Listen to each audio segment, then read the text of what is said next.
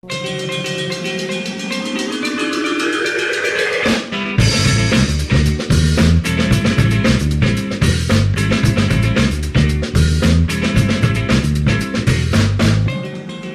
kakestykke. I'm your history teacher from now on.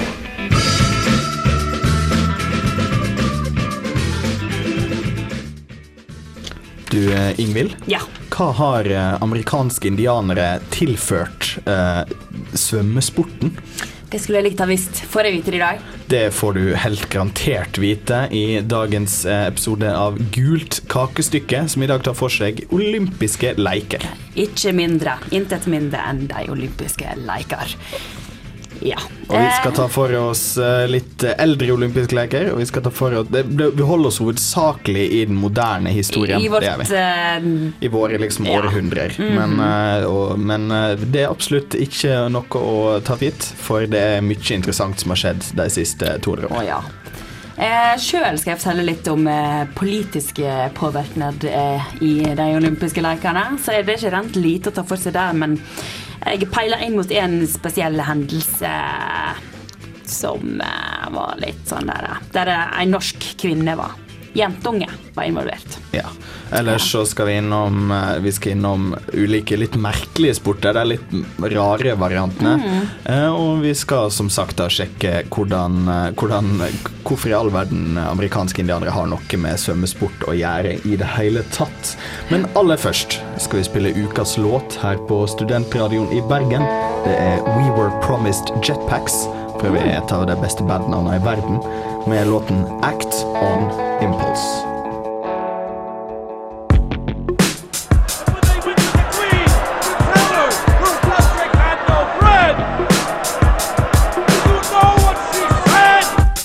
Let them eat cake. Cake, cake, cake, cake. Cake. That's such nonsense. I would never say that. Nå skal vi inn på eh, litt sånn eh, politiske situasjoner, kan vel si yeah. er, er temaet vårt nå. Vi, vi, det, for det er jo mye interessant eh, sånn sett som har skjedd i eh, diverse olympiske situasjoner. Og det Ja, du vet du hva jeg eh, vil faktisk si? At um, selv om de olympiske lekene er noen leker, det er leker, så gjenspeiler de virkeligheten. Oi, oi, så oi, til oi, de grader. Uh, så de følger jo historien der historien går. Og så um, det har vært en del um, politisering på, på OL-bana, kan du si. Mellom annet uh, har uh, Tyskland da blitt utestengt fra å delta to ganger. Av at de uh, drev yppa sånn i første og andre verdenskrig. Selvsagt, Eh, naturlig nok. Ja, så taperne eh, i første verdenskrig så var det jo Tyskland, Østerrike, Ungarn og Tyrkia. Eh, som ikke fikk være med. Eh, Stakkarene. ja. Eh, ellers så eh, da, eh, De fleste har vel hørt om München-OL i 1976. Ja, da de eh, Sort september og, Ja. eh, og palestinerne som eh, Ja, hvor mange var de eh, drap? De drap faktisk elleve israelske utøvere. Ja, Så heftig. den Ja. Politikk på høyt plan, kan du si. Ellers så eh, kan òg nevne det at eh, Jimmy Carter, da han var eh, president, så eh, oppfordret han til boikott av Moskva-OL i 1980 på, bakgrunn av deres krigføring i Afghanistan.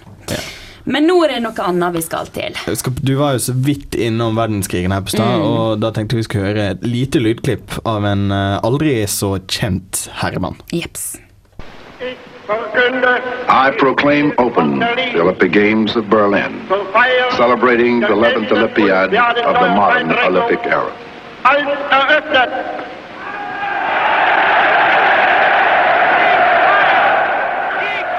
Ja, vi kan høre eh, Der hører du Sig Heil, Sig Heil, bare. Så du så Veldig flott. Eh, dere jo, fikk jo ei eh, engelsk oversetting der, men bare så for å gjøre det helt klart, det der var Hitlermann. I eh, 1936 i eh, de olympiske lekene i Berlin. Og det var jo en eh, eneste eh, Det var litt sånn forherliggjøring av hele Det tredje Ja. riket. Det, det var en massiv propagandaoffensiv, kan du si, Ja. eh, i politisk forstand. Av nazipartiet og av Hitler. Og av den ariske rasa, for den del. Men det var, Eh. det var et par som slo litt tilbake, da, hvis vi kan si det sånn. Ja. Det, det var det jo, hvis du tenker på Jesse Owens. For. Ja, han har jo gjort seg eh, godt kjent der, med den afroamerikanske mannen som vant eh, ikke mindre enn fire eh, gullmedaljer. So Den- much for den ariske rasen akkurat i det tilfellet. Ja. Mm. Eh, Men, eh, men Tyskland gjorde det jo kjempesterkt. Det, det skal jeg ha. Men det sier jeg ikke nå. Nei. Men eh, jo da. eh, Det var jo òg snakk om boikott på, eh, på forhånd her òg. Men det ble nå ikke sånn. Altså, det var tildelt eh, Tyskland var tildelt før Hitler kom til makta i 33. Eh, og det som er litt rart, da, selv om land snakker om å boikotte uh, naziregimet, holdt jeg på å si, så eh, gikk de jo da i, i paraden og, og marsjerte på veldig sånn her eh, nazistisk vis og liksom så eh, med blikket mot eh, eh, mot Hitler. Som, Ja. ja. Så Eh, det var, ikke, det var ikke så veldig mange som egentlig eh, tok tak i det, selv om de kanskje hadde snakka om boikott på forhånd. Ja, men eh, det hadde vi noen eh, norskinger som gjorde, eller i hvert fall ei. I hvert fall ei. Ja, for at eh, Vi har hørt om Sonja Hennie som Eller jeg vet ikke, kanskje dere ikke har hørt om det, men jeg har hørt om Sonja Hennie som eh, så stolt strakte ut Eller stolt, hvem veit. Eh, handa sier og viste eh, Nazist-Helsing, romersk Helsing, til, til, eh, til Hitler. Med sine blonde krøller og blå, eh, blå øyne, og, men eh, eh, den eh, 16 år gamle alpinutøveren Leila Skau-Nilsen, hun gjorde altså ikke det. Hun nekta det. Hun nekta det. Så hun eh, Om hun så han i hvite øyne Iallfall gjorde hun det ikke. Og det har blitt fortalt Eller det er historier om at Hitler syntes jo det var relativt eh, av den lille drittungen. Eh, men jeg har sett eh, en dokumentar om det her, da. Eh, Da ser du han egentlig bare gir en hånlig liten overbærende latter. Eller ja, smil. Til den stakkars lille jenta som ikke veit bedre. Ja, hun veit ikke bedre. Hun har blitt hjernevaska av kommunistene, eh, sannsynligvis. Eh, men det, det jeg tenker litt på, er om kan vi egentlig eh, disse Sonja Hennie for at hun gjorde det som egentlig ble forventa av henne? For det var jo på den tida regna som en nasjonalhilsen. Ikke nødvendigvis Ja. en, en, eh, en på en måte direkte støtte av, av Hitler, men en, en hilsen for eh, Ja, liksom, det, det var sånn du hilste på det. Ja, og der er hun som 24-åring og vil opp og fram i verden. Og eh, i den settingen der fullt av folk, eh, hva, hva gjør du? Og dessuten, vi hadde på en måte litt sånn her eh, rasegenetikk eh, pågående i Norge, og det var fremdeles f.eks. sterilisering av tilbakestående. Ja. Så det var nok med tida da, men da syns jeg bare desto mer kudos til, eh, til eh, Laila Skau-Nilsen, som faktisk eh, sto på krava og ikke helste på Hitler. Du kan jo si at uh, om det var en direkte konsekvens eller ikke, det vet jeg nå ikke. Men Mm. uh, da Sonja og kong Harald gifta seg Nei, skulle holde forlovelsesfest. Ja, de, de holdt den på Henny Onsdagssenteret.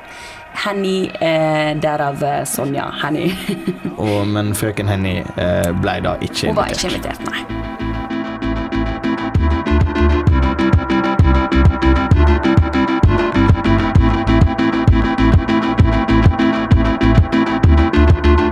Sons of Scotland! I am William Wallace. William Wallace is seven feet tall. Yes, I've heard. Kills men by the hundred. And if he were here, he'd consume the English with fireballs from his eyes and bolts of lightning from his arse.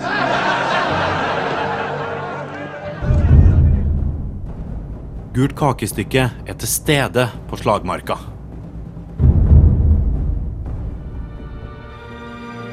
Verdens mestvinnende olymper er Michael Phelps med 14 gullmedaljer.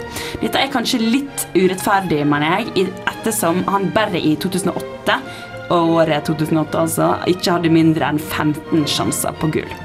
Samtidig som andre utøvere knapt nok har en enkelt sjanse. Men hvorfor er det så mange sjanser eh, og greiner innenfor svømmesporten? Dette har jo du, Andreas, tatt et djupdykk ned i. Det hele starta i London i 1844. The British Swimming Society skulle holde sitt mesterskap og hadde invitert to amerikanske indianere med de klingende navnene Flygende måke og Tobakk til konkurransen sin. Om det var for å prøve å integrere deres nye landsmenn i samfunnet, eller bare for å se hvor totalt overlegen den hvite rase var til de merkelige rødhua mennesker, forteller historien ingenting om. Greina, i den grad det kunne kalles noe slikt på den tida, var total fristil. Ready, set Men alt gikk ikke som planlagt. Idet de saklig anlagte britene støtte utfor kanten med sine heftigste brysttak, skjøt indianerne fart ved å føre hendene som ei vindmølle gjennom vannet.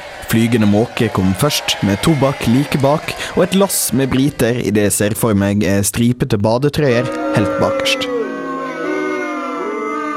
Skandalen var et faktum. Britene var beseira i eget farvann, og de kunne ikke gjøre annet enn å rakke ned på crawlinga til indianerne, som ble beskrevet som totalt ueuropeisk og altfor plaskete. Så europeerne og britene især holdt på sine brysttak i nærmere 30 år, før engelskmannen John Arthur Trudgeon innførte en blanding av de to på 1870-tallet. Men noen ville fremdeles holde på den gamle tradisjonen, og egne konkurranser for brystsvømming ble fremdeles holdt i hevd. Ved det første moderne olympiske leker i Aten i 1896 var det dermed allerede fire greiner, deriblant 1200 meter fristil og 100 meter svømming for sjømenn. Ved de olympiske lekene i Paris i 1900, for øvrig et OL fylt med rare greiner, ble også ryggsvømming introdusert. Kanskje for å glede de med dårlige pusteevner. Dette brakte i hvert fall tallet på svømmekonkurranser opp i fem. I 1932 ble butterfly-teknikken introdusert av et eksperimentelt svømmelag fra universitetet i Ohio. En stil som gikk enda raskere enn crawlen. Det skulle ta nærmere 20 år før den her òg ble offisielt introdusert av Det internasjonale svømmeforbundet. Resultatet var fire ulike stiler, og for å glede de som var litt for dårlige til å hevde seg i enkeltøvinger, innførte de medley-løpet, som er svømminga sitt svar på ski kombinert, med fire stiler i samme løp. Dette førte til enda flere konkurranser i OL, men òg mange store personligheter innen sporten. Mark Spitz tok sju gullmedaljer i 1972, Matt Bondi tok fem gull i Seoul i 1988, og i 2008 ble Natalie Coughlin den første kvinna som tok seks medaljer i samme OL. Og selvsagt Michael Phelps. Men hvem har egentlig Phelps å takke for det her? Hadde Flygende måke vært høflig i 1844 og sendt på britene sitt premiss, så hadde kanskje britene funnet ut av seg sjøl hvor ineffektiv brystsvømminga er, og da er det ikke sikkert det hadde blitt delt opp i så stor grad. Og da hadde Phelps neppe hatt så mange medaljer. Godeste Michael, The Baltimore Bullet, burde i hvert fall takke Flygende måke i kveldsbønna si. Fri beng i britiske regler.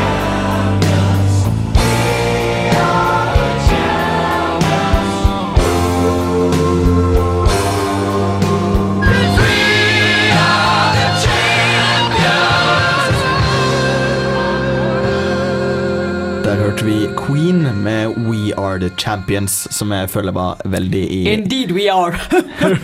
Veldig i takt med dagens eh, Olympia-tema her på Gult kakestykke. Rådene tilbake til fortiden er helt nødvendig for at man skal kunne utruste seg for fremtiden.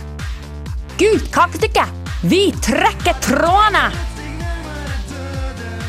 Nå, nå tenkte jeg vi skulle pense oss inn på eh, de litt mer Kanskje litt rarere eh, sportene Mm. i, eh, i de olympiske lekene. Obskuritetene. Obskuritetene. Mm. For vi kan jo egentlig takke mye av det moderne Mye av den moderne OL eh, kan vi takke til en enkelt eh, mann.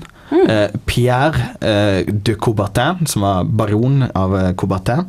Eh, og han, han er på en måte Han er den som er regna som å, på en måte ha, skapt dere Vi vil ha verden i harmoni, vi Mm. vil liksom samarbeide, og det her er de eneste kampene vi skal utføre. Sant? Det skal være minimalt med krig.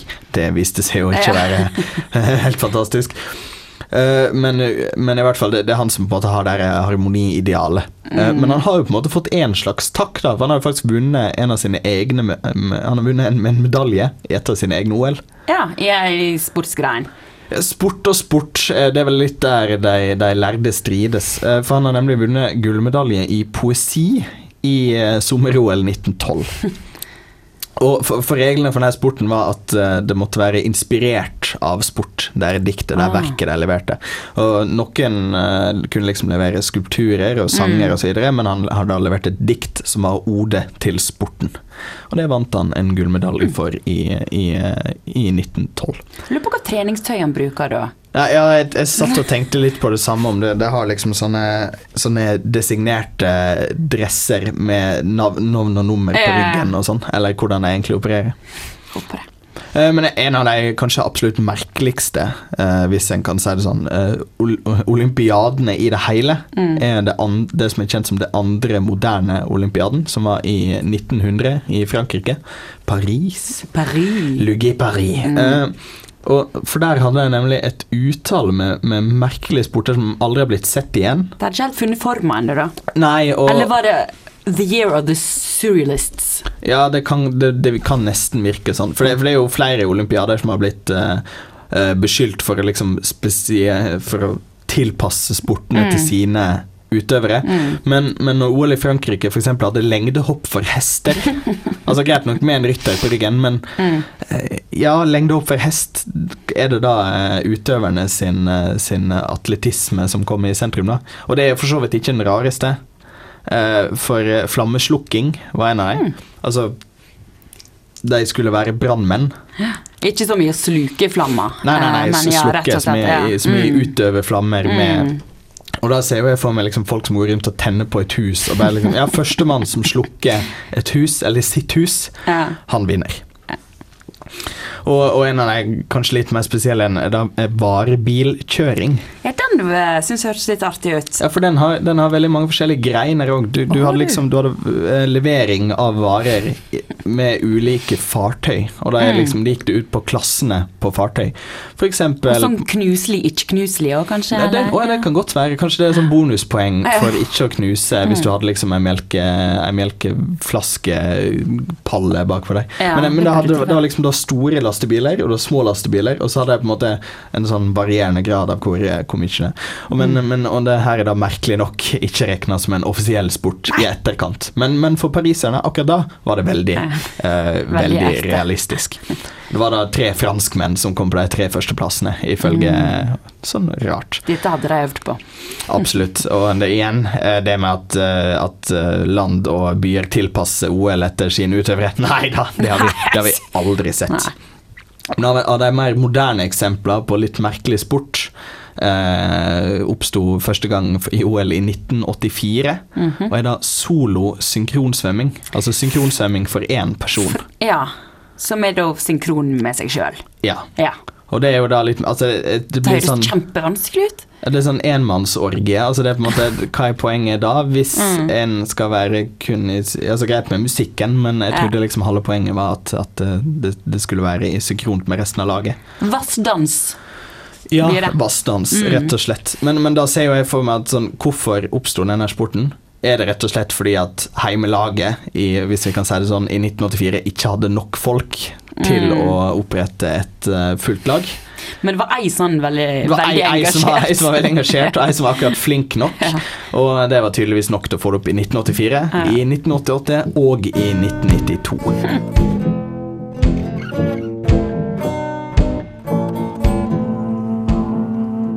Det var det vi hadde her fra Gult kakestykke i dag. Vi kan vel si at uh, den olympiske leiken for dagen er over. Den er brått slutt. Ja, Vi har i hvert fall ikke så veldig mye igjen å ta av fra det Mm. olympiske temaet. Uh, men Vi vi kommer tilbake neste uke. vi kommer tilbake neste uke. og- I ny form. I ny form. Og Mm. vi hadde da en avstemning på nettsida vår der du kunne velge mellom uh, to tema. Spionasjer eller Napoleon. Mm. Og temaet som vant, stemt fram av dykk kjære lyttere, det var Spionasje! spionasjer. Så neste Mhm. ukes sending blir kun om spionasjer. Du kan gå inn på nettsidene våre og sjekke tidligere sendinger eh, og podkasts av Gult kakestykke og av alt det andre. Ja, det er På Srib.no. Helt korrekt. srib.no. Så vi kan ta og Ja, hvem har du vært? Jeg har vært Ingvild Nilsen. Enn du? Jeg har vært Andreas Hadsel Opsvik, og det er vi som har styrt Gult det. kakestykke her i dag. Ja. Vi har òg blitt eh, glodd på av vår eh, flotte produsent Ida eh, Mjøs Angeltveit. Like etter oss kom eh, Grenseland, som skal utfordre en eller annen eh, sosial eh, dogmesituasjon i dag òg. Ja. Hvorfor ikke? Og ja, det er vel egentlig ikke mer å si enn det. Nei, jeg, jeg føler vi er ferdige nå. Ja. ja. Ha det bra. Ha det bra!